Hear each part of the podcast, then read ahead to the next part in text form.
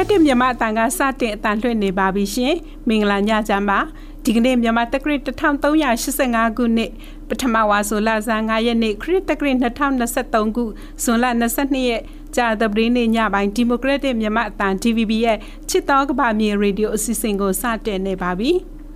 DVB ရဲ့ညပိုင်းအတန်လွှင့်စီစဉ်တွေကိုမြန်မာစံတော်ချိန်ည9နာရီကနေ9နာရီခွဲအထိလှိုင်းတို73မီတာ kHz 1.843ညကနေထုတ်လွှင့်ပေးနေတာပါဒီကနေ့ညပိုင်းနားဆင်ရမယ့်သတင်းတွေတဲကသတင်းကောင်းစင်တချို့ကိုဒီဂျူလိုင်းကဖတ်ကြားပေးမှာပါဟုတ်ကဲ့ပါဒီကနေ့ညမှာတော့မြန်မာပြည်မြောက်ပိုင်းမှာမုတ်တုံလေးအားကောင်းကမိုးရွာပြီးညချောင်းတွေရကြီးရရှမ်းနိုင်တဲ့တဲ့မော်ခါမုန်တိုင်းမဲ့ကူညီကယ်ဆယ်ရေးပစ္စည်းတွေတည်ယူပို့ဆောင်ရေးဖြန့်ဝေဖို့ ခွင့်ပြုချက်အခုချိန်ထိစောင့်နေရတော့မယ်လို့ကုလသမဂ္ဂကပြောကြားလိုက်တဲ့တဲ့ကမ္ဘာရာသီဥတုဆိုင်ရာထိပ်သီးညီလာခံပါရီမြို့မှာကျင်းပနေတဲ့တဲ့ရင်တွေကိုနားဆင်ရဖို့ရှိပါတယ်။ဒီတဲ့ရင်တွေပြီးမှတော့ပိတ်နေတဲ့ချောင်းတွေတိမ်ကောနေတဲ့ချောင်းတွေကိုပြန်ပြီးတော့ဆယ်တာပေါ့ဆယ်ယူပြီးတော့အပြင်ဆင်ထားရင်တော့အာဒါသက်တာလိမ့်မယ်ရေကာတာကြောင့်တဘာဝဘေးအန္တရာယ်ကြာရောက်နိုင်တဲ့ဒေသကပြည်သူတွေကြိုတင်ပြင်ဆင်ထားရမယ့်အကြောင်းဆက်သွယ်မေးမြန်းချက်ကိုနားဆင်ရပါမယ် ဒီကနေ့ဆောင်းပါအစီအစဉ်မှာတော့တစ်တော်တွေဟာရာသီဥတုပြောင်းလဲမှုကိုရော့ပါစေပြီးမြေစီလွာလေလူနဲ့ရေအရည်သွေးကိုမြင့်တင်ပေးပါတယ်ကျမ်းမာတဲ့ကဘာကျမ်းမာတဲ့တစ်တော်နဲ့ကျမ်းမာတဲ့လူသားများစောင်းပါကိုနားဆင်ရမှာပါဒီကနေ့အစီအစဉ်တွေကိုတော့ကျမနာမြနတီနဲ့အတူကျမဒီဂျူလာနုကတင်ဆက်ပေးသွားကြမှာပါကဲဒီဇူလိုင်ရဲ့ဒီကနေ့ထူးခြားတဲ့သတင်းတွေကိုတင်ဆက်ပေးလိုက်ကြရအောင်နော်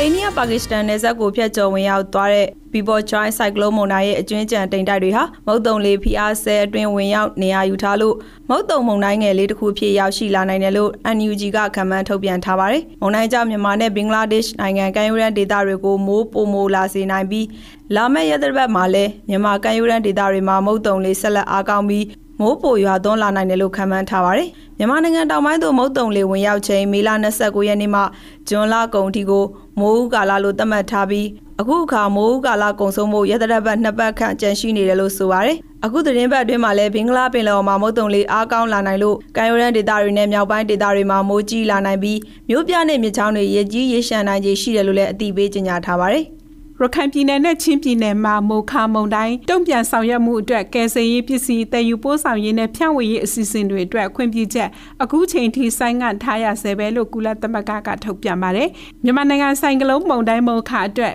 မနေ့ကထုတ်ပြန်တဲ့လူသားချင်းစာနာမှုအခြေအနေဆိုင်ရာသတင်းလွှာမှာဖော်ပြထားတာပါပฏิပက္ခညင်ပန်းနှိပ်စက်မှုစာလောင်မှုတိတ်မှုနဲ့ရာသီဥတုပြောင်းလဲမှုတွေကြောင့်နိုင်ငံစုံကလူသားမောင်းတရာကျော်ဟာသူတို့ရဲ့နေအိမ်တွေကနေစွန့်ခွာထွက်ပြေးနေရဆဲပဲဖြစ်တယ်လို့ဇွန်လ20ရက်နေ့မှာကြာရောက်တဲ့ကမ္ဘာဒုက္ခသည်များနေ့မှာကုလသမဂ္ဂအတွင်းမှုချုပ် အန်တိုနီယိုဂူဒါရက်စ်ကပြောကြားလိုက်ပါတယ်ဒုက္ခသည်တွေဟာခက်ခဲကြမ်းတမ်းတဲ့လမ်းခရီးကိုရှောက်လှမ်းနေကြရသလိုမကြာခဏဆိုသလိုအကြမ်းဖက်မှုတွေခေါင်းမဖြတ်မှုခွဲခြားဆက်ဆံမှုတွေနဲ့နှိမ့်ဆက်ညှဉ်းပန်းမှုတွေနဲ့ကြုံတွေ့နေရပြီးကမ္ဘာတဝမ်းမှာရှိနေတဲ့ဒုက္ခသည်တားမောင်းတရာကျော်ရဲ့မျှော်လင့်ချက်ကိုအကောင့်ထဲဖော်ပေးဖို့လဲကုလသမဂ္ဂအကြီးအကဲကတောင်းဆိုလိုက်ပါတယ်။ ကချီပြည်နယ်တနိုင်းခရိုင်ရှင်ပွေရန်မြို့နယ်တန်းလက်ကျေးရွာနီမှာအာနာသိမ့်ပြီးနောက်ဆက်ရဲနေရတွေနဲ့ရွှေလွန်ကျွန်းတူးဖော်နေတဲ့အတွက်စွန့်ပစ်မြေစာပုံတွေကြောင့်မြေချောင်းတွေတိမ်ကောပြီးစိုက်ပျိုးမြေတွေထိခိုက်ပျက်စီးနေလို့ဒေသခံတွေဒုက္ခရောက်နေရတယ်လို့သိရပါတယ်။အရင်ကတနိုင်းတပိုင်းရွှေတူးတာတွေရှိပေမဲ့ စစ်တပ်အာဏာသိမ်းပြီးတဲ့နောက်မှာတော့ဆက်ရန်နေရတွေနဲ့အကြီးကျယ်တူးတာတွေဖြစ်လာပြီးတူးတဲ့အခါမှာသုံးတဲ့ဓာတုဗေဒဆေးတွေကြောင့်လည်းစိုက်ပျိုးမြေတွေအတော်ပျက်စီးနေကစိုက်လို့မရတော့တဲ့မြေတွေအတော်များလာတယ်လို့ဒေသခံတအူးကပြောပါတယ်။ရှင်မွေရန်မြို့နယ်အတွင်းမှာရွှေတူးဖော်လာတဲ့သူစစ်ကောင်စီပါဝင်အခြားလက်နက်ကိုင်အဖွဲ့အစည်းတွေကိုတရားမဝင်ငွေကြေးပေးဆောင်ပြီးရွှေတူးဖော်နေကတန်လက်ကျေးရွာကမြေကအများပြပျက်စီးနေတဲ့အတွက်လေယာစိုက်ပျိုးရေးလုပ်ငန်းတွေလုပ်ကိုင်နေသူတွေကအခြားကျေးရွာတွေမှာပြောင်းရွှေ့စိုက်ပျိုးနေကြရတယ်လို့လည်းဆိုပါတယ်။ ရခိုင်ပြည်နယ်မောင်တော်မြို့နယ်လဘော်စားချေးရွာကအသက်40ရွယ်အမျိုးသားတဦးဇွန်လ19ရက်နေ့လယ်တနင်္လာလောက်ကမိုးကြိုးပစ်ခံရပြီးပွဲချင်းပြီးတေဆုံးသွားခဲ့တယ်လို့လဘော်စားချေးရွာအုပ်ချုပ်ရေးမှူးအဘူခါစိန်ကပြောပါတယ်သူတို့နှစ်ဦးဟာပစွန်ကမှာငားသွားရှာနေကြတာမိုးရွာလာပြီးမိုးကြိုးပစ်တော့တယောက်ကပွဲချင်းပြီးတေသွားတယ်နောက်တဦးကနားနှစ်ဖက်မှာဒဏ်ရာတွေနဲ့ရွာကိုထွက်ပြေးလာခဲ့တယ်လို့ပြောပါတယ်မိုးကြိုးပစ်ခံရပြီးတေဆုံးသူမှာရော်ဖီအသက်40အဘဇော်ကရိယာဖြစ်ကြောင်းချေးရွာတာဝန်ခံကသိရပါတယ်။မိုခါဆိုင်ကလုန်းမုန်တိုင်းအပြင်ရခိုင်ပြည်နယ်ရှိမြို့နယ်9မြို့နယ်အတွင်းမေလ24ရက်ကနေဇွန်လ20ရက်အထိရက်ပေါင်း20ကျော်အတွင်းမိုးကြိုးပစ်ခံရပြီးတေဆုံးသူဒေသခံ9ဦးထိရှိလာကဒဏ်ရာရရှိသူတွေလည်းရှိပါတယ်။ဇွန်လ6ရက်နေ့ကလည်းချင်းပြည်နယ်ပလက်ဝမှာဒေသခံ2ဦးမိုးကြိုးပစ်ခံရပြီးတေဆုံးက2ဦးပြင်းထန်တဲ့ဒဏ်ရာရရှိခဲ့တယ်လို့သတင်းမှတ်တမ်းတွေအရသိရပါတယ်။ မွန်ပြည်နယ်မော်လမြိုင်မြို့မှာသွေးလွန်တုပ်ကွေးဖြစ်ပွားသူတရားခန့်ရှိပြီးမွန်ပြည်နယ်ဆယ်မြို့နယ်မှာသွေးလွန်တုပ်ကွေးတွေဖြစ်ပွားနေတယ်လို့စစ်ကောင်စီလက်အောက်ခံကျန်းမာရေးဦးစီးဌာနတွေထံကသိရပါဗျ။မော်လမြိုင်မြို့သွေးလွန်တုပ်ကွေးဖြစ်ပွားသူဟာတရားနီးပါးခန့်ရှိနေပြီးပေါင်မြို့နယ်က85ယောက်၊ကြိုင်မြို့မြို့နယ်က56ဦးထိရှိတယ်လို့သိရပါဗျ။အခုနှစ်မှာသွေးလွန်တုပ်ကွေးယောဂနဲ့ပေါင်မြို့နယ်ကတေဆုံးသူတယောက်ရှိခဲ့ပါတယ်။လက်ရှိချိန်ဟာမိုးရသည့်ကာလဖြစ်တာကြောင့်ချင်းတွေများပြီးဖျားနာတဲ့ကလေးတွေများနေသလိုစေပေးစေကန်းသွားပြရတာသွာလာစိတ်စေကုသစိတ်တွေအခက်အခဲဖြစ်နေပါတယ်။ သွေးလွန်တော်ဝေးဖြစ်ပွားသူဟာမွန်ပြည်နယ်အတွင်းမှာ400နီးပါးထိရှိပြီးသက်ဆိုင်ရာမြို့နယ်ရက်ကွက်ကျေးရွာများလိုက်ပတ်စဉ်ဖုံးသွန်လဲစစ်လုပ်ငန်းစဉ်များဆောင်ရွက်ပေးနေပြီးပိုးသက်စေးဖြန့်ခြင်းခတ်ချင်းတွေကိုလည်းဆောင်ရွက်ပေးနေတယ်လို့ကျန်းမာရေးလုပ်သားတွေကပြောပါတယ်။မွန်ပြည်နယ်မှာပြီးခဲ့တဲ့2022ခုနှစ်ကသွေးလွန်တော်ဝေးယောဂဖြစ်ပွားသူ2000ကျော်ထိရှိခဲ့ပြီးတအူးသေဆုံးခဲ့ပါတယ်။ TVB ရဲ့ရေဒီယိုအစီအစဉ်တွေကိုနားဆင်နေကြရတာပါအခုဆက်လက်ပြီးမိုးလေဝသသတင်းတွေကိုတင်ဆက်ပေးမှာဖြစ်ပါတယ်မင်္ဂလာပါရှင်ဇွန်လ22ရက်နေ့အတွက်မိုးလေဝသခန့်မှန်းချက်တွေကိုတင်ဆက်ပေးတော့မှာဖြစ်ပါတယ်ရှင်ဒီကနေ့မနက်ပိုင်းဖန်ရရှိထားတဲ့ကျွန်တော်တို့တိမ်ပေါ်ကြည့်မယ်ဆိုရင်တော့ကပလီပင်လယ်ပြင်နဲ့ဘင်္ဂလားပင်လယ်ရောတောင်ပိုင်းတို့မှာမုတ်တုံလေးအားအသင့်တင်ရှိနေပြီးတော့ကျန်ဘင်္ဂလားပင်လယ်အော်မှာတော့မုတ်တုံလေးအားကောင်းနေတာတွေ့ရပါတယ်။ နက်ဖြန်ညနေအထိမိုးလေဝသခန့်မှန်းချက်တွေနေနေရတော့မြဝကျုံမော်ရခိုင်ကဲရန်ရှောင်းတဲ့ကမ်းလွန်ပင်လယ်ပြင်တို့မှာတခါတည်းမိုးသက်လေပြင်းတွေကြာရောက်ပြီးတော့လှိုင်းကြည့်နိုင်ပါတယ်။မိုးသက်လေပြင်းကျနေတဲ့အချိန်မှာရွှေပြင်းပြင်းပြင်းလေးရတနာရီ35မိုင်ကနေမှ40နှုန်းတက်ခတ်နိုင်ပါတယ်။ကြံမြမကဲရန်ရှောင်းမှာတော့လှိုင်းအသင်းတင်ရှိနိုင်တယ်လို့ခန့်မှန်းထားပါတယ်ရှင်။လှိုင်းမြင့်နေနေနေရတော့မြဝကျုံမော်ရခိုင်ကဲရန်ရှောင်းတဲ့ကမ်းလွန်ပင်လယ်ပြင်တို့မှာရှစ်ပင်ရနေဆက်ပြီးလောက်ထိမြင့်တက်နိုင်ပြီးတော့ မော်တမာခွေမွန်နဲ့တင်းတင်းသားကဲရန်ရှောင်းတဲ့ကမ်းလွန်ပင်လယ်ပြင်တို့မှာ9ပင်ရနေ9ပင်လောက်ထိမြင့်တက်နိုင်ပါတယ်ရှင်။မိုးတိမ်အောင်ဖြစ်ပေါ်နိုင်မှုခံမှန်းချက်တွေနေနေရတော့စကိုင်းတိုင်းထပ်ပိုင်းကချင်ပြည်နယ်ရှမ်းပြည်နယ်ရခိုင်ပြည်နယ်နဲ့မွန်ပြည်နယ်တို့မှာမိုးတိမ်အောင်တွေဖြစ်ထွန်းနိုင်ပြီးတော့အဆိုပါမိုးတိမ်အောင်တွေရေရှားတဲ့နေရာတစ်လျှောက်မှာမိုးရသွန်းခြင်းနဲ့တူလေးပြင်းတိုက်ခတ်ခြင်းမိုးထချုံခြင်းမိုးကြိုပြခြင်းလျှက်စီးလက်ခြင်းနဲ့မိုးတီးကျွေခြင်းစတဲ့မိုးလေဝသဖြစ်စဉ်တွေဖြစ်ပေါ်နိုင်တဲ့အတွက်ကြောင့်ကျွန်တော်တို့ review နေထိုင်ကြဖို့အတွက်အကြံပြုအပ်ပါတယ်ရှင်။ မိုးရသွန်းနိုင်မှုခံမှန်းချက်တွေနေနေရတော့စကိုင်းတိုင်းအောက်ပိုင်းမှာနေရာကွက်ကြားမန္တလေးတိုင်းမကွေးတိုင်းနဲ့ကယားပြည်နယ်တို့မှာနေရာကျကျနေပြီးတော့စကိုင်းတိုင်းထပ်ပိုင်းတနင်္သာရီတိုင်းနဲ့ရှမ်းပြည်နယ်မြောက်ပိုင်းတို့မှာနေရာစစ်စိတ်တမ်းမြင့်တဲ့တိုင်းတွေမှာတော့နေရာနှံပြမိုးထချောင်းလာနိုင်ပါတယ်။ရခိုင်ပြည်နယ်မှာဒေသအလိုက်နဲ့ AR တိုင်းကချင်ပြည်နယ်မွန်ပြည်နယ်တို့မှာနေရာကွက်ပြီးမိုးကြီးနိုင်တယ်လို့ခန့်မှန်းထားပါတယ်ရှင်။ နေပူချိန်ခံမှန်းချက်တွေကတော့အမြင့်ဆုံးပူချိန်လေးနဲ့မန်လေးတိုင်းမှာ39ဒီဂရီစင်တီဂရိတ်ဝန်းကျင်လောက်မြင့်တက်နိုင်ပါတယ်ရှင်။ဆက်လက်ပြီးတော့နေပြီးတော့ရန်ကုန်မြို့နဲ့မန်လေးမြို့နဲ့နေတဝိုင်မနက်ဖြန်ညနေအထိခံမှန်းချက်တွေကတော့နေရာကွက်ကြားမိုးထချုံရနိုင်တယ်လို့ခံမှန်းထားပါတယ်ရှင်။ကျေးဇူးများတင်ပါတယ်ရှင်။မိုးလေဝသသတင်းတွေကိုနားဆင်ခဲ့ကြရတာပါရှင်။အခုဆက်လက်ပြီးသတင်းပေးပို့ချက်တွေကိုထုတ်လွှင့်ပေးတော့မှာဖြစ်ပါတယ်။ မိုခါမုံတိုင်းမှာမိသားစုဝင်တွေနေအိမ်အဆောက်အဦတွေပျက်စီးဆုံးရှုံးခဲ့ရတာကြောင့်ရခိုင်ပြည်နယ်ကအမျိုးသမီးနဲ့ကလေးသူငယ်တွေစိတ်ပိုင်းဆိုင်ရာမလုံခြုံမှုတွေနဲ့ကြောက်ရွံ့မှုတွေခံစားနေရတယ်လို့အကူအညီပေးနေတဲ့အဖွဲ့တွေကပြောပါတယ်ဒီသတင်းကိုတော့ဝေဝေကပေးပို့ထားတာပါပြင်းထန်တဲ့မိုခါမုန်တိုင်းတိုက်ခိုက်ခဲ့မှုကြောင့်ရခိုင်ပြည်နယ်ကဒေသတွေရဲ့90ရာခိုင်နှုန်းကျော်လောက်ကပျက်စီးဆုံးရှုံးခဲ့ရတာပါ။ မိသားစုဝင်တွေနေအိမ်ပိုင်ဆိုင်မှုတွေပျက်စီးဆုံးရှုံးတာကိုကိုယ်တိုင်ကြုံတွေ့ခံစားခဲ့ရတဲ့ကလေးငယ်တွေနဲ့ပြိုပုံဝင်ကားစားမျိုးသမီးငယ်လေးတွေမှာစိတ်ပိုင်းဆိုင်ရာမလုံခြုံမှုတွေနဲ့ကြောက်ရွံ့မှုတွေခံစားနေကြရတယ်လို့စိတ်ကျန်းမာရေးကုသပေးဖို့မြေပြင်ကွင်းဆင်းလေ့လာမှုတွေပြုလုပ်နေတဲ့လူမှုဘေးရန်ရဲ့ခံနိုင်စွမ်းတွန်းမြင့်ဆောင်ရွက်ရေးအဖွဲ့ ACRO ကအမှုဆောင်ဒရိုက်တာဦးစောစောထွန်းကပြောပါတယ်။ဆိုးတဲ့အခြေအနေတခုကိုကြုံရပြီးနောက်ပိုင်းမှာအာဒီစိတ်ပိုင်းဆိုင်ရာထိခိုက်ကြတာမျိုးတွေပေါ့နော်။စိုးရိမ်စိတ်တွေဖြစ်တာ အာနောက်ပြီးတော့မှအာဒီကြောင်းရဲစိတ်တွေဖြစ်တာကတော့ဒီကလေးငယ်တွေနဲ့အမျိုးသမီးတွေမှာဖြစ်ပြီးဖြစ်တာများတယ်ပေါ့လေအဲကြောင်းရဲတဲ့စိတ်တွေနောက်ပြီးတော့မှအာစိုးရိမ်တဲ့စိတ်တွေအဲနောက်ဟိုအားငယ်တဲ့စိတ်တွေပေါ့လေအဲဒီစာမေတ္တာမင်းအနေထိုင်မှုတွေအစဉ်ပြေမှုတွေကြားထဲမှာနေရတယ်ဟိုအိမ်အိမ်မပြောတဲ့ကလေးတွေအစာမစားတဲ့ကလေးအစာမစားကလေးတွေနွဲပြီးတော့မှဟိုဘာလို့နွဲနေရပြီးတော့နေတဲ့ကလေးတွေပေါ့လေအဲ့လိုမျိုးတွေမြင်ရပါတယ်ဗျ စင်းနေနေကနေပြီးတော့မှဆစ်ရှင်ရဲ့အထွေဒီအပြိုခွင်းအပြိုပေါ်ဝင်ခါစားအရေးပေါ့လေ ACRO ကကလေးနဲ့အမျိုးသမီးငယ်တွေရဲ့စိတ်ချမ်းသာရေးကိုမြေပြင်ကွင်းဆင်းလေ့လာပြီးစိတ်ချမ်းသာရေးကုစားပေးမယ့်အစီအစဉ်ကိုအခုလဇွန်လထဲမှာကောင်းထည့်ဖော်သွားမယ်လို့ဆိုပါတယ်။ပထမဆုံးအနေနဲ့စစ်တွေမြို့တွေကကြေးရွာ20နဲ့ပုံနာကျွန်းမြို့တွေကကြေးရွာ20မှာရှိတဲ့အသက်18နှစ်အောက်ကလေးနဲ့မြို့သမီးငယ်တွေကိုဦးစားပေးပြီးလှုပ်ဆောင်ပေးသွားမယ်လို့သိရပါဗျ။ စိတ်ကျမ်းမာရေးကူစားပေးဖို့လလန်းမမီတဲ့နေရာတွေက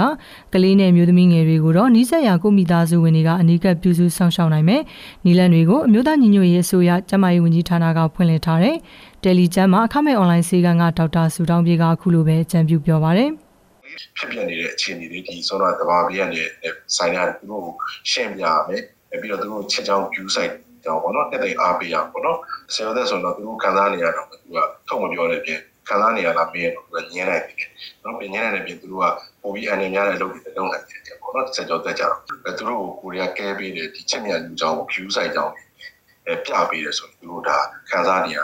တယ်တက်တာတော့ဖြစ်ပါတယ်ဟုတ်ဒီမြို့သားညွေဆိုရဖွင့်ထားတဲ့ဒီ Telegram မှာအခမဲ့ online စေကပေါ့ကျွန်တော်တို့ဒါအခါကျူပြီးလည်းပေးရမလို့အဲ့ဒီမှာ Messenger မှာလာပြီး booking ယူပြီးတော့ကျွန်တော်တို့ရှိမှရှိတယ်ဒီစိတ်ပိုင်းဆိုင်ရာ တော့ဒီဆရာဝန်တွေရှိတယ်ပြီးတော့ကျန်းမာရေးဝန်ထမ်းတွေဆွေးနွေးပြီးတဲ့သူတွေရှိတယ်သူတို့နဲ့ဟိုချိတ်ဆက်ပြီးတော့အဲကျွန်တော်တို့လာပြီးတော့ခွင့်အားတိုင်းပြီးဆွေးနွေးလိုက်မယ်ဆိုရင်တော့အဲတစုံတရာအတိုင်းအတာထိတော့အဲကျွန်တော်တို့ခံစားနေရရောပါမယ်လို့ထင်ပါတယ်။မခမွန်တိုင်းကြောင့်ရခိုင်ပြည်နယ်ထဲမှာလူနည်းဆုံး148ဦးသေဆုံးခဲ့ရပြီးနေရင်အဆောက်အုံပေါင်း3,800ကျော်ပျက်စီးခဲ့တယ်လို့စစ်ကောင်စီဘက်ကကြေညာထားသလို ရခိုင်ပြည်နယ်နဲ့မြန်မာနိုင်ငံအနောက်မြောက်ပိုင်းမုန်တိုင်းဖြတ်ကျော်သွားတဲ့လမ်းကြောင်းမှာနေထိုင်သူလူဦးရေ9.4တန်းကျော်လောက်ကလည်းမုန်တိုင်းတန်တင်ပြီးအဆောက်အုံများပြဆူဆူဝါးဝါပျက်စီးဆုံးရှုံးခဲ့ရတယ်လို့ UNO ချမြန်မာကထုတ်ပြန်ထားပါတယ်။မိုခါမုန်တိုင်းအလွန်ရခိုင်ပြည်နယ်အခြေအနေနဲ့ပတ်သက်ပြီးနောက်ဆုံးရသတင်းပေးပို့ချက်တွေကိုနားဆင်ခဲ့ကြရတာပါ။ ဘာဝဘေးသတင်းတွေပြည်လဲထူထောင်ရေးနဲ့ကုညီကယ်ဆယ်ရေးနဲ့ဆိုင်တဲ့အကြောင်းအရာတွေကိုထုတ်လွှင့်ပေးနေတဲ့ဒီမိုကရက်တစ်မြန်မာအသံ DVB ရဲ့ချစ်တော်ကဘာမီရေဒီယိုအတန်လွှင့်အထူးအစီအစဉ်ကိုစတင်ထုတ်လွှင့်ပေးနေပါပြီ။ဒီအစီအစဉ်ကိုမြန်မာစံတော်ချိန်ည9:00နာရီကနေ9:00နာရီခွဲအထိလိုင်းတူ73မီတာ kHz 11843ညကနေဖမ်းယူနားဆင်နေတဲ့အကြောင်းအတိပေးကြေညာအပ်ပါတယ်ခင်ဗျာ ဒီမိုကရက်တစ်မြန်မာအတန် DVB ကဆက်လက်အတန်လွှင့်နေပါတယ်အခုဆက်လက်ပြီးတဘာဝပတ်ဝန်းကျင်နဲ့သက်ဆိုင်တဲ့နိုင်ငံတကာသတင်းတွေကိုကိုလင်းအိမ်ကတင်ဆက်ပေးမှာဖြစ်ပါတယ်ပြည်ရဲ့မခွန်ဟာပြည်내နိုင်ငံပါရီမြို့မှာကမ္ဘာခေါင်းဆောင်တွေနဲ့ကျန်းကျင်သူတွေတက်ရောက်မဲ့ရာသီဥတုဆိုင်ရာထိပ်သီးညီလာခံတရက်ကိုဇွန်လ22ရက်နဲ့23ရက်တို့မှာတက်ခင်းကျင်းပနေပါတယ်။ရာသီဥတုဆိုင်ရာငွေကြေးထောက်ပံ့မှုအတွက်ဝင်ငွေနဲ့နိုင်ငံတွေရဲ့ကျွေးမိဝင်တို့ဝင်ပိုးတွေကိုဖြေလျှော့ဖို့ လမ်းပြမြေပုံကိုရှင်းလင်းတိကျပြတ်သားအောင်ချမှတ်နိုင်ရေးအတွက်ညီလာခံကရည်မှန်းထားပါတယ်။ရာသီဥတုပြောင်းလဲမှုနဲ့အစွန်းရောက်ရာသီဥတုရဲ့ဒဏ်ကိုအပြင်းထန်ခံစားနေရတဲ့နိုင်ငံတွေကဂုဏ်သိက္ခာရှိတဲ့သူတွေကမ္ဘာစီးပွားရေးအင်အားကြီးနိုင်ငံ20အဖွဲ့ G20 အပြည်ပြည်ဆိုင်ရာငွေကြေးရမငွေအဖွဲ့ IMF ကမ္ဘာ့ဘဏ်နဲ့ကုလသမဂ္ဂတို့လိုထိပ်တန်းအဆင့်အဖွဲ့အစည်းတွေကလက်ရှိရုံးကန်စ조사နေတဲ့လက်ဦးမှုတချို့ကိုဘလို့တိုးတက်အောင်လုပ်မလဲဆိုတာထိပ်ပိုင်းဆိုင်ရာသဘောတူညီမှုတရရရှိအကောင့်ထဲပေါ်ဖို့ထိပ်သီးအစည်းအဝေးမှာဒါဇင်နဲ့ချီတဲ့ခေါင်းဆောင်တွေတက်ရောက်ဆွေးနွေးကြမှာပါ ဂျာမန်ဝက်သုတေသနအုပ်စုကထုတ်ပြန်တဲ့ကမ္ဘာရာသီဥတုကပ်ဘေးညွှန်းကိန်း2021အစီရင်ခံစာထဲမှာ2000ကနေ2019ခုနှစ်အထိဂျာကာလာအစိုးရရာသီဥတုဖြစ်စဉ်တွေကိုအဆိုးဆုံးထိခိုက်ခံစားရတဲ့နိုင်ငံတွေအဖြစ်ပွာတိုရီကိုနဲ့မြန်မာနိုင်ငံတို့ကိုပြထားပါတယ်။အဲဒီနောက်မှာတော့ဟေတီ၊ဖိလစ်ပိုင်၊မိုဇစ်ဘစ်၊ဘဟားမားကျွန်းစုနိုင်ငံဘင်္ဂလားဒေ့ရှ်ပါကစ္စတန်ထိုင်းနဲ့နီပေါနိုင်ငံတွေကအစဉ်လိုက်နေရာယူထားပါတယ်2022ခုနှစ်အတွက်စာရင်းမရှိသေးပါဘူး လုပ်ငန်းစဉ်ထဲမှာဆွေးနွေးကြမယ့်ရာသီဥတုဆိုင်ရာဗန်နာရေးအတွက်အကျွေးတက်တာကွင်းကနေအကြောင်းအရာအများပြားကို Write Down Initiative လို့နာမည်ပေးထားတဲ့ဘာဘီဒိုးဝင်ကြီးချုပ်ဦးဆောင်တဲ့ဖွံ့ဖြိုးဆဲနိုင်ငံများအုပ်စုရဲ့အဆိုပြုချက်တွေကနေရယူထားပါတယ်။ဆုံးဖြတ်ချက်တွေကိုမျှော်လင့်မထားပေမဲ့ဆင်းရဲတဲ့နိုင်ငံတွေကိုဗန်နာငွေထောက်ပံ့ရေးနဲ့ပတ်သက်လို့အားကောင်းတဲ့ကတိတချို့ကိုပေးခဲ့တဲ့နယ်လို့ထိပ်သီးညီလာခံကိုစီမံရမှာပါဝင်တဲ့အရာရှိတွေကပြောခဲ့ကြပါတယ်။ အပူပိုင်းမွန်နယ်ဘရက်ဟာဇွန်လ22ရက်ကြာသပတေးနေ့နှောင်းပိုင်းမှာကာရီဘီယံပင်လယ်ထဲကလက်စားအန်ဒီလက်ကျွန်းတွေစီကိုရောက်နိုင်ပေမဲ့မွန်နယ်ဟာအရင်ကထင်ထားတဲ့အတိုင်းရှားရှားပါးပါးဇွန်လဟာရီကိန်းဖြစ်လာမယ်မထင်ဘူးလို့အမျိုးသားဟာရီကိန်းစင်တာကဇွန်လ20ရက်မှာပြောပါတယ်။လက်စားအန်ဒီလက်ကျွန်းစုရဲ့အခြေဘက်မိုင်ယာနဲ့ချီဝေးတဲ့အတလန်နေသမုဒ္ဒရာထဲမှာဗဟိုပြုထားတဲ့ဘရက်မွန်နယ်ဟာအင်္ဂါနေ့ညနေပိုင်းမှာ နည်းနည်းအားကောင်းလာပြီးအမြင့်ဆုံးလေတိုက်နှုန်းတနအီကို45မိုင်နှုန်းကနေတနအီမိုင်90နှုန်းထိမြင့်တက်လာခဲ့တယ်လို့ဟာရီကိန်းစင်တာကအင်္ဂါနေ့ညမှာပြောခဲ့ပါတယ်။ပူပိုင်းမွန်နယ်ဘရက်ဟာလက်စားအန်ဒီလက်ကျွန်းစုကိုဟာရီကိန်းမွန်နယ်အဖြစ်တိုက်ခတ်နိုင်တယ်လို့ခန့်မှန်းထားပြီးအားကောင်းလာရင်ကြာသပတေးနေ့မွန်လယ်ပိုင်းနဲ့ညပိုင်းမှာကျွန်းစုကနေတဆင်ရွေလျားမယ်လို့ခန့်မှန်းထားတယ်လို့ဆိုပါတယ်။ဘာဘေးဒို့စ်ဒိုမီနီကာမာတီနစ်နဲ့စိန့်လူစီယာကျွန်းနိုင်ငံလေးတွေအတွက်စိန့်လူစီယာကျွန်းနိုင်ငံလေးတွေအတွက်အပူပိုင်းမွန်နယ်အခြေအနေစောင့်ကြည့်မှုတွေစတင်ကြိုးတက်ရောက်မယ်လို့ CNN သတင်းဌာနကအစီရင်ခံခဲ့ပါတယ်။ ဗြိတိန်နိုင်ငံဝေလာပြည်နယ်ကမြို့သားဥယျာဉ်ထဲမှာမြေဟက်တာ40ကိုပြီးခဲ့တဲ့သတင်းပတ်ကလောင်ကျွမ်းခဲ့တဲ့တော်မီဟာဒုတိယမြောက်မီးလောင်ခဲ့တယ်လို့ဒေသခံမီဒီယာတွေကဖော်ပြပါတယ်။ဝေလာပြည်နယ်တောင်ဘက်စွန်းကကိုးဗရန်ရွာမှာလောင်တဲ့ဒီတော်မီကြောင့် Upper Crate Breakon Landrin Dogs ဝဲနဲ့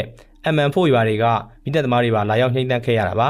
တစ်တော်နဲ့မြေရိုင်းဟက်တာ40လောက်မိလောင်ပျက်စီးခဲ့ပြီးမြေပိုင်ရှင်ကိုသတင်းဘက်ကုံလောက်မှာဒီ area တွေကိုစောင့်ကြည့်ဖို့အကြံပြုခဲ့ပါတယ် တာဝန်ရှိသူတွေကမီးလောင်မြေမှာအသားကင်အကျွင်းကြံတွေကိုတွေ့ရှိခဲ့လို့အသားကင်စားရကမီးပေါ်ဆလို့လောင်ကျွမ်းမှုဖြစ်တာလို့ယူဆထားပါတယ်။ကြာတာပရင်းနေမတိုင်မီတရက်ကမှကိုဘရန်မှာတောမီကြောင့်အိန္ဒိချင်းရွာပေါင်း800ကမိသက်သမားတွေလာရောက်နှိမ့်နှက်ခဲ့ရပါသေးတယ်။အဲ့ဒီတောမီကြောင့်တတော်ဟက်တာ30လောက်ပျက်စီးခဲ့ပြီးမိငိမ့်သက်ဖို့မိသက်သမားတွေကရဟက်ရင်ကိုတုံးခဲ့ရပါတယ်။အဲ့ဒီမီးလောင်မှုဟာတမင်သက်သက်ရှို့လို့ဖြစ်ပေါ်လာတာလို့မိသက်သမားတွေကယုံကြည်နေပါတယ်။မုတ်တုံရတီရဲ့ပထမဆုံးမိုးရွာသွန်းပြီးတဲ့နောက်အိန္ဒိယနိုင်ငံမြောက်ပိုင်းကဂူယူဂရန်မြို့ရဲ့လမ်းတွေမှာဇွန်လ22ရက်ကရေကြီးနေတာပါ။အကြီးသားရင်ကျော်အနှောက်အယှက်ဖြစ်ခဲ့ပါတယ်။ ရေလမ်းမမှုဟန်တာရဲ့လှုပ်ဆောင်ချက်တွေကိုအကောင့်ထဲမဖော်ခဲ့လို့ဒေသနာအာဏာပိုင်တွေကိုဝေဖန်ပစ်တင်ခဲ့ပါတယ်။နယူးဒေလီမြို့တော်ရဲ့အနောက်တောင်ဘက်18.6မိုင်အကွာက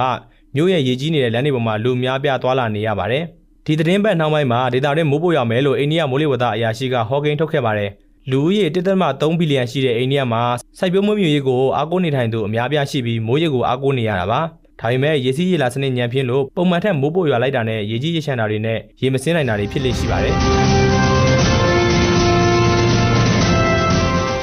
တဘာဝပတ်ဝန်းကျင်နဲ့သက်ဆိုင်တဲ့နိုင်ငံတကာသတင်းတွေကိုနားဆင်ခဲ့ကြရတာပါတော်တာရှင်များရှင်မုတ်တုံရာသီအတွင်းရေလမ်းမှုမှုအန္တရာယ်ကနေကြိုတင်ကာကွယ်နိုင်မှုနဲ့ရေကြီးရေရှမ်းမှုတွေကိုကြိုတင်ပြင်ဆင်ထားနိုင်မှုအတွက်ကမ္ဘာ့ကျန်းမာရေးအဖွဲ့ WHO ရဲ့အကြံပြုချက်တွေကိုထုတ်လင်းပေးမှာဖြစ်ပါတယ်။မုတ်တုံရသည့်အတွက်ကြိုတင်ပြင်ဆင်ရန်ဘေးအန္တရာယ်ရှင်းပြောင်းရေးအရေးပေါ်အိတ်ထက်မှာဘာတွေထည့်ထားရမလဲဆိုရင် ရှေးဦးသူနာပြုဆေးတစ်တာမရှိမဖြစ်လိုအပ်တဲ့ဆေးဝါးတွေဆေးမှတ်တမ်းတွေဆေးစာတွေလိုအပ်ပါတယ်။ဒါအပြင်အရေးကြီးစာရွက်စာတမ်းတွေမွေးစရင်ပညာရေးနဲ့ပတ်သက်တဲ့စာရွက်စာတမ်းတွေလက်ထပ်စာချုပ်အမည်ပေါက်ပိုင်ဆိုင်ပြစာရွက်စာတမ်းတွေရင်းနဲ့ပတ်သက်တဲ့စာရွက်စာတမ်းတွေလည်းထည့်သွားသင့်ပါတယ်။ဒါအပြင်အမျိုးသားမှတ်ပုံတင်ကတ်တွေနိုင်ငံကူးလက်မှတ်နဲ့ဗန်စာအုပ်တွေလည်းထည့်ရပါမယ်။အရေးရေးကြီးဆက်သွယ်ဖို့အတွက်ဖုန်းနံပါတ်စာရင်းတွေဖုန်းနဲ့အားသွင်းကိရိယာတွေထည့်ရပါမယ်။ဒါအပြင်ကရိုရင်းဆေးပြားရေတန့်ဘူးလက်နှိပ်တမီနဲ့တကူရီသုံးတန့်ရှင်းပစ္စည်းတွေဘီစကွတ်လိုမျိုး၆တိတဲ့အစားအစာတွေခိုင်ခန့်တဲ့ကြိုးတွေမတန်ဆွမ်းသူတွေကလေးငယ်တွေနဲ့တက်ကြီးရွယ်အိုတွေအတွက်အတုံးဆောင်တွေအဖို့တန်ပစ္စည်းတွေထည့်သွားရပါမယ်။ဘေးအနေရွှေ့ပြောင်းရေးအရေးပေါ်အိတ်ဟာရေဆိုခံတင်ပြီးပစက်နဲ့နှာခေါင်းစည်းတွေခွက်တွေပကံတွေဆက်ပြတုံးတွေလက်တန့်ဆေးတွေနဲ့မျက်နှာတုပ်ပွားတွေပါဝင်ရပါမယ်။ ရေလွှမ်းမှုမှုအန္တရာယ်ကြိုတင်ကာကွယ်အကြံပြုချက်တွေကိုထုတ်လွှင့်ပေးခဲ့တာဖြစ်ပါတယ်။ တော်တော်ရှင်များရှင် DPP ရဲ့ချစ်တော်ကမမြေရေဒီယိုစီစဉ်ကိုနားဆင်နေကြရတာပါအခုဆက်လက်ပြီးဆက်သွယ်မေးမြန်းချက်ကိုထုတ်လင်းပေးမှာဖြစ်ပါတယ်ရေကာတာကြောင့်သဘာဝဘေးအန္တရာယ်ကြာရောက်နိုင်တဲ့ဒေသကပြည်သူတွေအနေနဲ့ကြိုတင်ပြင်ဆင်ထားရမယ့်အကြောင်းအရာတွေနဲ့ပတ်သက်ပြီးရှမ်းသဘာဝပတ်ဝန်းကျင်ထိန်းသိမ်းရေးအဖွဲ့ကတာဝန်ခံစိုင်းခေးဆိုင်ကိုဆက်သွယ်မေးမြန်းထားပါတယ်ရေကာတာကြောင့်မလို့ပေါ့နော်သဘာဝဘေးအန္တရာယ်ကြာရောက်နိုင်တဲ့အဲ့ဒီဒေသကပြည်သူတွေအနေနဲ့ဘာတွေကြိုတင်ပြင်ဆင်ထားဖို့လိုမလဲရှင့် ကြိုတင်ပြင်ဆင်တာကတော့ပိတ်နေတဲ့ချောင်းတွေတိမ်ကောနေတဲ့ချောင်းတွေကိုပြန်ပြီးတော့ဆယ်တာပေါ့ဆယ်ယူပြီးတော့ပြင်ဆင်ထားရင်တော့ဒါသက်သာလိမ့်မယ်နောက်တစ်ခုကရေလာတဲ့လမ်းကြောင်းတစ်လျှောက်မှာတစ်ပင်ပြန်စိုက်မယ်ဆိုလို့ရှိရင်လည်းဒါနောက်တစ်ခုပေါ့ကာကွယ်မှုတစ်ခုပေါ့ပြီးတော့ရေနှုတ်မြောင်းပေါ့ရေနှုတ်မြောင်းတွေကလည်းသူကအရေးကြီးတယ်အဲ့ဒီရေနှုတ်မြောင်းတွေကလည်းသူကချောင်းတွေပိတ်ထားလို့ရှိရင်သူကချောင်းတွေတိမ်ချောင်းဆယ်တာတစ်ခုတည်းနဲ့မဟုတ်ဘူးပေါ့ဗျာ အဲတကယ်လို့ရေလာတဲ့လမ်းကနေအဲကြတော့ဘယ်နေရာမှာတိဆို့ပြီးတော့ရေကြီးမှုဖြစ်နိုင်လဲဆိုတော့အဲ့နေရာကနေစပြီးတော့ရေနှုတ်မြောင်းဘယ်ဘက်ကနေပြီးတော့လှုပ်သွားမယ်ဆိုလို့ရှိရင်တော့အာတက်တာမှုရှိမလဲဆိုတဲ့ဟာကပိုအရေးကြီးတာပေါ့နော်ဒါကြောင့်အာအဲ့ဒါတွေပြင်ဆင်ထားရင်တော့အာကျွန်တော်တို့ဒီတန်ကိုအားလုံးမဟုတ်ရင်တော့မှတက်တက်တတာရှိလိမ့်မယ်လို့ကျွန်တော်ယူဆမိတယ်ပေါ့နော်ဟုတ်ကဲ့ပါရှင် ဒီမြန်မာနိုင်ငံမှာပေါ့နော်တဘာဝပတ်ဝန်းကျင်ထိန်းသိမ်းရေးနဲ့ပတ်သက်ပြီးတော့မှဆောင်ရွက်တဲ့ခါမှာဆရာတို့အနေနဲ့အဓိကအခက်ခဲရပါတွေကြုံတွေ့နေရတယ်လဲရှင့်အခက်ခဲနဲ့စိန်ခေါ်မှုအကြီးဆုံးကမြန်မာပြည်မှာကျွန်တော်တို့ဒီဆယ်စုနှစ်တစ်လျှောက်လုံးမှာကြတော့တဘာဝအရင်းမြစ်ထုတ်ယူတုံးဆွဲမှုကိုသူကအခြေခံပြီးတော့ဟိုမိခိုနေရတဲ့မြန်မာပြည်ဖြစ်တယ် အဲ့လိုမျိုးမိခိုလို့ရှိရင်ကျွန်တော်တို့တဘာဝအရင်းမြစ်ထုတ်ယူမှုကြောင့်ကျွန်တော်တို့ကတော်တော်ကြီးကိုပြန်ပြုပြင်ဖို့အတွက်ကသူကတော်တော်ခက်ခဲတယ်ပေါ့နော်နောက်တစ်ခုကဒီကျွန်တော်တို့အဲ့လိုမျိုးတဘာဝရင်းမြစ်ထုတ်ယူတဲ့ချိန်မှာကြတော့သူကအရင်းနှီးမြောက်များစွာရှိတဲ့အကြီးစားထုတ်လုပ်မှုကလည်းအဲ့ဒီတဘာဝရင်းမြစ်ကိုသူကမိအမိပြုတ်ပြီးတော့မှအမိခိုပြီးတော့မှထုတ်လုပ်တာလည်းရှိတယ်အလတ်တန်းစားတစ်ထုတ်တာတွေပြိပေါကစေယုံလောက်တာတွေ အဲတခြားကျွန်တော်တို့ဒီတဘာဝအရင်မြစ်ကိုထုတ်ယူတုံးဆွဲပေါ့ဗျာအလတ်စားကလည်းသူကမိခုနေရတယ်ဒါအခြေခံလူတန်းစားကိုပြန်ကြည့်တော့ပြန်လဲသူကမိဖို့မိတွေးထုတ်တာတွေဒီထင်းအဖြစ်မိခွေတာတွေသူကထုတ်ယူရောင်းချတာတွေသူကရှိနေတယ်လေဒါပေမဲ့ဒီကောင်ကတော့ပိတ်ပြီးလို့မရဘူးရအတက်မွေးဝမ်းကြောင်းလိုမျိုးဖြစ်နေရတယ်နော်ကျွန်တော်တို့အဲ့ဓာတွေကိုအစားထိုးဖို့အတွက်ဥမာ gas ထုတ်လုပ်မှုပေါ့ဗျာဒါပေမဲ့ကျွန်တော်မြန်မာပြည်မှာ gas မထွက်ဘူးလားတော့မဟုတ်ဘူးอ่ะထွက်တာပေါ့ဒါပေမဲ့အာကျွန်တော်တို့ပြည်တွင်းအသုံးပြုဖို့ gas တွေကအစားထိုးနိုင်ရင်ဒါတဘာဝပတ်ဝန်းကျင်ထိမ့်သိမ်းမှုတစ်ခုဖြစ်လာနိုင်တာပေါ့နော်နောက်တစ်ခုကအသုံးပြုပြီးတော့ကျွန်တော်တို့ဟိုအမိုက်ပစ်တဲ့ဟာတွေစွန့်စွန့်ပစ်တဲ့ပစ္စည်းတွေပေါ့ဗျာစွန့်ပစ်ပစ္စည်းတွေဥမာပလတ်စတစ်နဲ့ကော်ပူတွေကအာဘယ်လိုပြစ်ရမလဲတန်ဘူးတွေနဲ့တန်တယ်ပစ္စည်းတွေနဲ့ပြီးတော့ အစီတုပူးတွေကိုဘယ်လိုပြစ်ရမလဲအဲပြီးတော့ကျွန်တော်တို့စားတုံးပြီးတော့ဟိုဓမြင့်ကြိုင်ဟင်းချန်တွေကအာသူကခွဲပြီးတော့ဘယ်လိုပြည့်ရမလဲအဲအားလုံးကသူကအဲ့ဒါတွေကလည်းသူကလှုပ်ဖို့အတွက်ကအဲတော်တော်များများကျွန်တော်တို့မြို့ကြီးပြကြီးတွေထဲမှာတော့မှအမိုက်ပုံးကတခါတလေတပုံးပဲတွေ့ရပါတော့နော်အဲအဲ့လိုမျိုးပုံစံတွေကသူက ဒါတနိုင်ငံလုံးပြန်လုပ်ရမယ်ဆိုလို့ရှိရင်တော့အခက်အခဲရှိတယ်ဒီအခက်အခဲတွေကတော်တော်ကြီးကိုကျွန်တော်တို့ကတွေ့ကြုံနေရတယ်ပေါ့နော်ဆက်သွယ်မေးမြန်းချက်ကိုနားဆင်ခဲ့ရတာပါ Inform MM application နဲ့ဆိုရင် ယုံကြည်ရတဲ့မြန်မာမီဒီယာတွေရဲ့သတင်းတွေကိုတနေရာထဲမှာသစုသစည်းတဲ့ရယူနိုင်ပါတယ်။ဒီ application ကအခမဲ့ဖြစ်လို့အခုပဲ Google Play Store ကနေ download ဆွဲပြီး TVB ရဲ့သတင်းတွေ podcast တွေနဲ့တခြားစိတ်ဝင်စားစရာအကြောင်းအရာတွေကိုဝင်ရောက်ကြည့်ရှုလိုက်ပါနော်။ တော်တရှင်များရှင် DVB Radio အစီအစဉ်ကိုနားဆင်နေရတာဖြစ်ပါတယ်အခုဆက်လက်ပြီးဆောင်းပါအစီအစဉ်ကိုထုတ်လွှင့်ပေးပါမယ်ဆောင်းပါရှင်လီလီရေးသားထားတဲ့ကျမ်းမာတဲ့ကဘာကျမ်းမာတဲ့တစ်တော်နဲ့ကျမ်းမာတဲ့လူသားများဆောင်းပါကိုနားဆင်ရမှာပါဖူးအီအီຫນွယ်ကဖတ်ကြားပေးထားပါတယ်ရှင်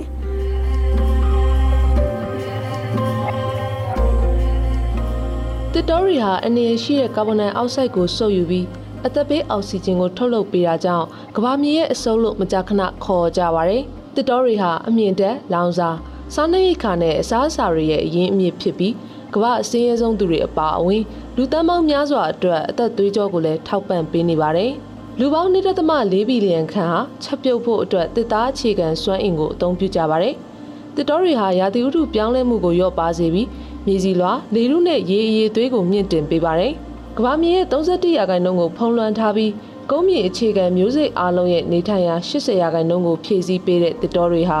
လူသားတွေရဲ့ကျန်းမာရေးနဲ့ကောင်းကျိုးချမ်းသာအတွက်အရေးကြီးပေမဲ့ကဘာတွန်းတစ်တော်ဆုံးရှုံးမှုတွေကနေရာတိုင်းမှာလူသားတို့ကိုချိန်ချောက်လျက်ရှိပါတယ်။တစ်တော်တွေနဲ့လူသားတွေရဲ့ကျန်းမာရေးကြားကဆက်နွယ်မှုတွေအကြောင်းသိထားရမယ့်အချက်၅ချက်ရှိပါတယ်။နံပါတ်1ကတော့ကာဗွန်ကိုစုပ်ယူကာရာသီဥတုကိုပြောင်းလဲစေခြင်းဖြစ်ပါတယ်။တစ်တော်ကေယာစနစ်တွေဟာ ရာသီဥတုမိုးရွာသွန်းမှုပုံစံတွေနဲ့ရေဝေရေလဲပုံစံတွေကိုထိန်းညှိပေးပြီးတော့လူသားဖြစ်တည်မှုအတွက်မရှိမဖြစ်လိုအပ်တဲ့အောက်ဆီဂျင်ကိုအရေးတကြီးပံ့ပိုးပေးခြင်းအပြင်ကမ္ဘာမြေကိုကျန်းမာစေပါတယ်။ကျန်းမာတဲ့တစ်တော်တွေဟာနှစ်စဉ်ကာဗွန်ဒိုင်အောက်ဆိုက်တန်ချိန်2ဘီလီယံခန့်ကိုစုပ်ယူပေးတဲ့ကာဗွန်စုပ်ခွက်များအဖြစ်လှုပ်ဆောင်ခြင်းအပြင်ရာသီဥတုပြောင်းလဲမှုကိုထိန်းသိမ်းမှုကိုညီပေးပါတယ်။ပြောင်းလဲနေတဲ့ရာသီဥတုဟာလူတွေကိုနီးလန်းမျိုးစုံနဲ့ချိန်ချောက်နေပါတယ်။ ရာသီဥတုပြင်းထန်တာကြောင့်ဖျားနာတာနဲ့သေဆုံးတာတွေ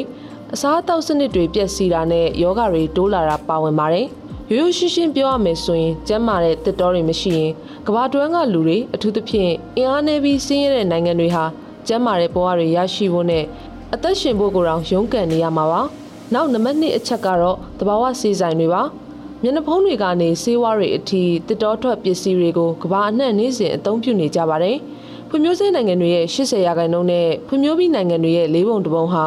အပင်အခြေခံဆေးဘက်ဝင်ဆေးဝါးတွေကိုမိခိုနေရပါတယ်။တစ်တော်တွေမှာဒေသခံလူထုနဲ့နိုင်ငံစုံဆေးဝါးကုမ္ပဏီတွေကဆေးဘက်ဆိုင်ရာရည်ရွယ်ချက်အတွက်အသုံးပြုတဲ့အပင်မျိုးစိတ်ပေါင်း9000ခန့်ပါဝင်ပါတယ်။ထောင်ပေါင်းများစွာသောတစ်တော်နေထိုင်သူတွေဟာသူတို့ရိတ်သိမ်းထားတဲ့တစ်တော်ထုတ်ကုန်တွေကိုအသုံးပြုပြီးဝေဒနာအမျိုးမျိုးကိုကုသပေးခဲ့ကြပါတယ်။နံပါတ်3အချက်ကတော့အာဟာရပြည့်ဝတဲ့အစားအစာဖြစ်ပါတယ်။ ကမ္ဘာတွင်းကလူတစ်ဘီလီယံနီးပါးဟာအာဟာရပြည့်ဝတဲ့အစားအစာတွေဖြစ်တဲ့ဟင်းသီးဟင်းရွက်တွေ၊တစ်သီးတွေအခွန်မာသီးတွေအသားတွေနဲ့အင်းဆက်ပိုးမွှားလိုတောရိုင်းအစားအစာတွေကိုရိတ်သိမ်းခြင်းအပေါ်မိခိုနေရပါတယ်။ဝဝေးလံခေါင်တည်တဲ့အပူပိုင်းဒေသအချို့မှာတောရိုင်းတရိတ်ဆန်တွေကိုစားသုံးမှုကြောင့်နေ့စဉ်ပရိုတင်းလိုအပ်ချက်60ကနေ80ရာခိုင်နှုန်းကြားကိုပြည့်နိုင်တယ်လို့ခန့်မှန်းထားပါတယ်။ အာဖရိကတိုက်ရဲ့နိုင်ငံပေါင်း28နိုင်ငံကအိမ်အောင်စု4300ကိုပြုလုပ်တဲ့လေးလာမှုတစ်ခုအရာတစ်တော်တွေနဲ့ထိတွေ့ရတဲ့ကလေးတွေရဲ့အစားအသောက်ကွဲပြားမှုဟာတစ်တော်နဲ့ထိတွေ့မှုမရှိတဲ့ကလေးတွေထက်အနည်းဆုံး25ရာခိုင်နှုန်းပိုများကြောင်းတွေ့ရပါတယ်။စက်မှုဖွံ့ဖြိုးပြီးနိုင်ငံအပါအဝင်အာရှနဲ့အာဖရိကကနိုင်ငံပေါင်း22နိုင်ငံမှာအဖွဲ့အစည်းတစ်ခုကိုပြန်မြတော်ရိုင်းအစားအစာ120ခန့်စားသုံးကြတယ်လို့သူတေသီတွေကတွေ့ရှိခဲ့ပြီးအိန္ဒိယနိုင်ငံမှာတော့ခံမှန်းခြေအိမ်အောင်စုတန်း90ဟာ တောရိုင်းတောတောင်တွေနဲ့အနီးအနားခြုံမုတ်တွေကခူးဆွတ်ထားတဲ့အသီးအနှံတွေကိုသူတို့ရဲ့ဖြည့်ဆွတ်အစားအစာအနေနဲ့စားသုံးကြပါတယ်။နောက်နံပါတ်လေးအချက်ကတော့တစ်တော်တွေဟာရေရှည်တည်တတ်တဲ့ဖွံ့ဖြိုးတိုးတက်မှုအတွက်အရေးပါတယ်ဆိုတဲ့အချက်ဖြစ်ပါတယ်။တစ်တော်တွေဟာကမ္ဘာလူဦးရေရဲ့သုံးပုံတစ်ပုံခန့်လူနှစ်ဘီလီယံခွဲလောက်ကိုကုန်စည်နဲ့ဝန်ဆောင်မှုတွေထောက်ပံ့ပေးနေပါတယ်။တစ်တော်တွေနဲ့လူသားတွေကိုကျန်းမာစွာစောင့်ရှောက်ခြင်းဟာရေရှည်တည်တဲ့ဖွံ့ဖြိုးတိုးတက်မှုနဲ့2030လုပ်ငန်းစဉ်ရဲ့အဓိကအချက်ဖြစ်ပါတယ်။ တစ်တော်တွေမှာအချိန်ကိုအသုံးပြုမယ်ဆိုရင်အပြူသဘောဆောင်တဲ့စိတ်ခံစားမှုတွေကိုမြင်မာစေပြီးစိတ်ဖိစီးမှုသွေးပေါင်ခြင်းစိတ်ဓာတ်ကျခြင်းပင်မနှွမ်းနေခြင်းစိုးရင်ပူပန်မှုတွေနဲ့တင်းမာမှုတွေကိုရောကြစေပြီးခုခံအားစနစ်ကိုမြင့်တင်နိုင်ကြောင်းလေ့လာမှုတွေကဖော်ပြထားပါတယ်။လူကျန်းမာရေးနဲ့စိတ်ချမ်းသာမှုဟာတန်ရှင်းတဲ့လေရေကျန်းမာတဲ့မြေစီလွာနဲ့အစားအစာစားရမရှိမဖြစ်လိုအပ်တဲ့အကျိုးကျေးဇူးတွေကိုပေးစွမ်းနိုင်တဲ့သဘာဝပတ်ဝန်းကျင်ပေါ်ကိုမူတည်နေပါတယ်။ ကမ္ဘာရေချို85ရာခိုင်နှုန်းခန့်ဟာတစ်တော်ရရဲ့ရေဝေရေလဲလုပ်ငန်းစဉ်ကနေဆင်းသက်လာတာဖြစ်ပြီးကမ္ဘာအကြီးဆုံးမြို့တွေရဲ့ထက်ဝက်နီးပါးအတွက်တောက်သုံးရေကိုထောက်ပံ့ပေးထားပါတယ်။တစ်တော်ကိုပြုံးတီးစေတဲ့ချင်းချောက်မှုတွေဟာရေရှားပါမှုကိုဖြစ်ပေါ်စေနိုင်ပြီးကမ္ဘာရေချိုအရေးအမြစ်တွေအန္တရာယ်ရှိလာတဲ့အတွက်လာမယ့် UN 2023 Water Conference မှာအရေးတကြီးကင်တွယ်ဖြည့်ရှင်းရမယ့်ပြဿနာတွေကတစ်ခုဖြစ်လာပါတယ်။ တစ်တော်တွေဟာမုံတိုင်းနဲ့ရေလွှမ်းမိုးမှုတွေရဲ့တက်ရောက်မှုကိုကြားခံပြီးပြင်းထန်တဲ့ရာသီဥတုဖြစ်စဉ်တွေအတွက်လူသားတွေရဲ့ကျန်းမာရေးနဲ့ဘေးကင်းရေးကိုကာကွယ်ပေးခဲ့ကြပါတယ်။အကြက်တဲကာလမှာတစ်တော်တွေဟာတဘာဝရဲ့လူမှုစီးပွားဘဝလုံခြုံမှုပိုက်ခွန်တွေအဖြစ်ရာစုနှစ်များစွာကြာအောင်လှုပ်ဆောင်ခဲ့ကြပြီးရေရှည်တည်တံ့စွာစီမံခန့်ခွဲခြင်းနဲ့ကာကွယ်ထားတဲ့တစ်တော်တွေဟာလူသားအလုံးအတွက်ကျန်းမာရေးနဲ့ဘေးကင်းမှုကိုမြင့်တင်ပေးပါတယ်။နောက်ဆုံးနံပါတ်5အချက်ကတော့တစ်တော်တွေကိုကာကွယ်ဖို့ဖြစ်ပါတယ်။ တစ်တော်တွေရဲ့အကျိုးကျေးဇူးတွေကိုသိရှိပေမဲ့လည်းတစ်တော်တွေကိုထိုက်တန်တဲ့ကာကွယ်မှုတွေကိုတော့မပေးကြပါဘူး။တော်မီအင်းဆက်ပိုးမွားတွေပျက်စီးမှုနဲ့တစ်တော်ပြုံးတိမှုဟာပြီးခဲ့တဲ့ဆယ်စုနှစ်တွေအတွင်းတစ်တော်ဆုံးရှုံးမှုဟက်တာတန်150အထိရှိခဲ့ပြီးဒါဟာချက်ဒါမှမဟုတ်ပီရူးလိုနိုင်ငံတနိုင်ငံရဲ့မြေရုပမာဏထက်ပိုများပါတယ်။စောင်းစီအမဲသားပဲတေပြော့ဖက်နဲ့စက်ကူအပါအဝင်လေယာထွက်ကုန်တစ်မျိုးတည်းကိုသာထုတ်လုပ်ခြင်းဟာ အပူပိုင်းသစ်တော်ပြုံးတိမှုရဲ့80ရာခိုင်နှုန်းခန့်ကိုတွန်းအားပေးစေခဲ့ပါတယ်။ကုလသမဂ္ဂဟာဂေယစနစ်ပြန်လည်ထူထောင်ရေးဆယ်စုနှစ်2021-23ကိုတည်ထောင်ခဲ့ပြီးသူ့ရဲ့ agency တွေဟာပီရူးမှာတစ်ပင်3တန်းစိုက်ပျိုးခြင်းကနေပုံမကောင်းမွန်တဲ့တစ်တော်တွေကိုကာကွယ်ဖို့ဒေသခံတွေကမ္ဘာလုံးဆိုင်ရာသက်ဆိုင်သူတွေနဲ့ပူးပေါင်းပြီးတရားမဝင်တစ်တော်တွေပစ္စည်းတွေကိုခိုးထုတ်တာတွေကိုကာကွယ်ဖို့အမျိုးသမီးငယ်တွေကိုအခွင့်အာဏာပေးပြီးတော့ပီရူးမှာတစ်တော်ရင်းဂျာတွေအဖြစ်လှုပ်ဆောင်နိုင်စေခဲ့ပါတယ်။ ရေရှည်တည်တံ့ခိုင်မြဲစွာစီမံခန့်ခွဲထားတဲ့တစ်တော်တွေဟာကျွန်ုပ်တို့လက်ရှိကြုံတွေ့နေရတဲ့အကြက်တဲတွေကနေကျမ်းမာတန်ဆွမ်းစွာပြန်လည်ထူထောင်ရေးနဲ့အနာဂတ်အကြက်အတဲကိုခံနိုင်ရရှိမှုရဲ့တော့ကျက်ဖြစ်ပါတယ်။ကျမ်းမာရေးကိုဘယ်လိုသတ်မှတ်ထားပါစေ။ရုပ်ပိုင်းဆိုင်ရာဖြစ်ဖြစ်စိတ်ပိုင်းဆိုင်ရာဖြစ်ဖြစ်တစ်တော်တွေဟာအခန်းကဏ္ဍတစ်ခုအနေနဲ့ပါဝင်နေပါတယ်လို့ကုလသမဂ္ဂစီးပွားရေးနဲ့လူမှုရေးကောင်စီ ECOSOC ဥက္ကဋ္ဌက BB ဆိုင်ရာအခမ်းအနားမှာပြောကြားခဲ့ပါတယ်။ ကျမ်းမာတဲ့ကဘာကျမ်းမာတဲ့တစ်တော်နဲ့ကျမ်းမာတဲ့လူသားများဆောင်းပါးကိုနားဆင်ခဲ့ကြရတာပါ ဒီမိုကရက်တစ်မြန်မာအတန် DVB ရဲ့ချစ်တော်ကဘာမြေဂျာသပရင်းနေ့ညပိုင်းရေဒီယိုအတန်လွှင့်အစီအစဉ်တွေဒီမှာတင်မဲ့ပြီးဆုံးပြီဖြစ်ပါတယ်ဒီအစီအစဉ်ကိုမနက်ဖြန်မှာလဲမြန်မာစံတော်ချိန်ည